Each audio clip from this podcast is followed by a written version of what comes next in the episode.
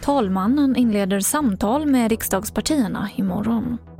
Stor brand på tågstation i London och lättade restriktioner här i Sverige från och med den 1 juli. TV4-nyheterna börjar med att imorgon inleder talman Andreas Norlén sina samtal med riksdagspartierna. Först ut blir Socialdemokraterna. Vi har vår politiska kommentator Ulf Kristoffersson. En halvtimme per parti börjar med Socialdemokraterna, slutar med Miljöpartiet och sen kommer då talmannen att hålla en pressträff eh, i första kammarsalen preliminärt 16.15 i morgon. Så att eh, det verkar som att Andreas Norlén än så länge, hittills i alla fall då, lever upp till det där att han ska hålla ett högt tempo. Och då får vi väl se vad beskedet eh, blir från eh, talmannen imorgon eftermiddag vem som får första försöket att eh, bilda ett nytt regeringsunderlag.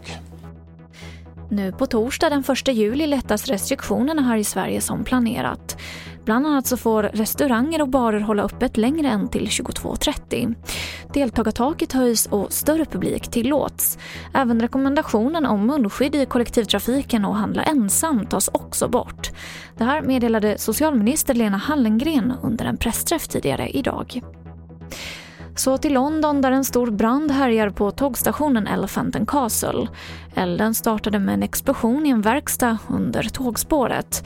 100 brandmän arbetar med att släcka elden och området har spärrats av och allmänheten uppmanas att hålla sig undan.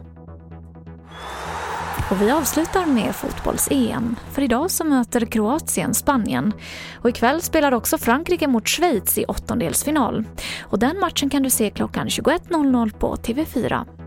Och nästa gång vi ser Sverige spela blir imorgon när de möter Ukraina. Och det var det senaste från TV4 Nyheterna. Jag heter Emily Olsson.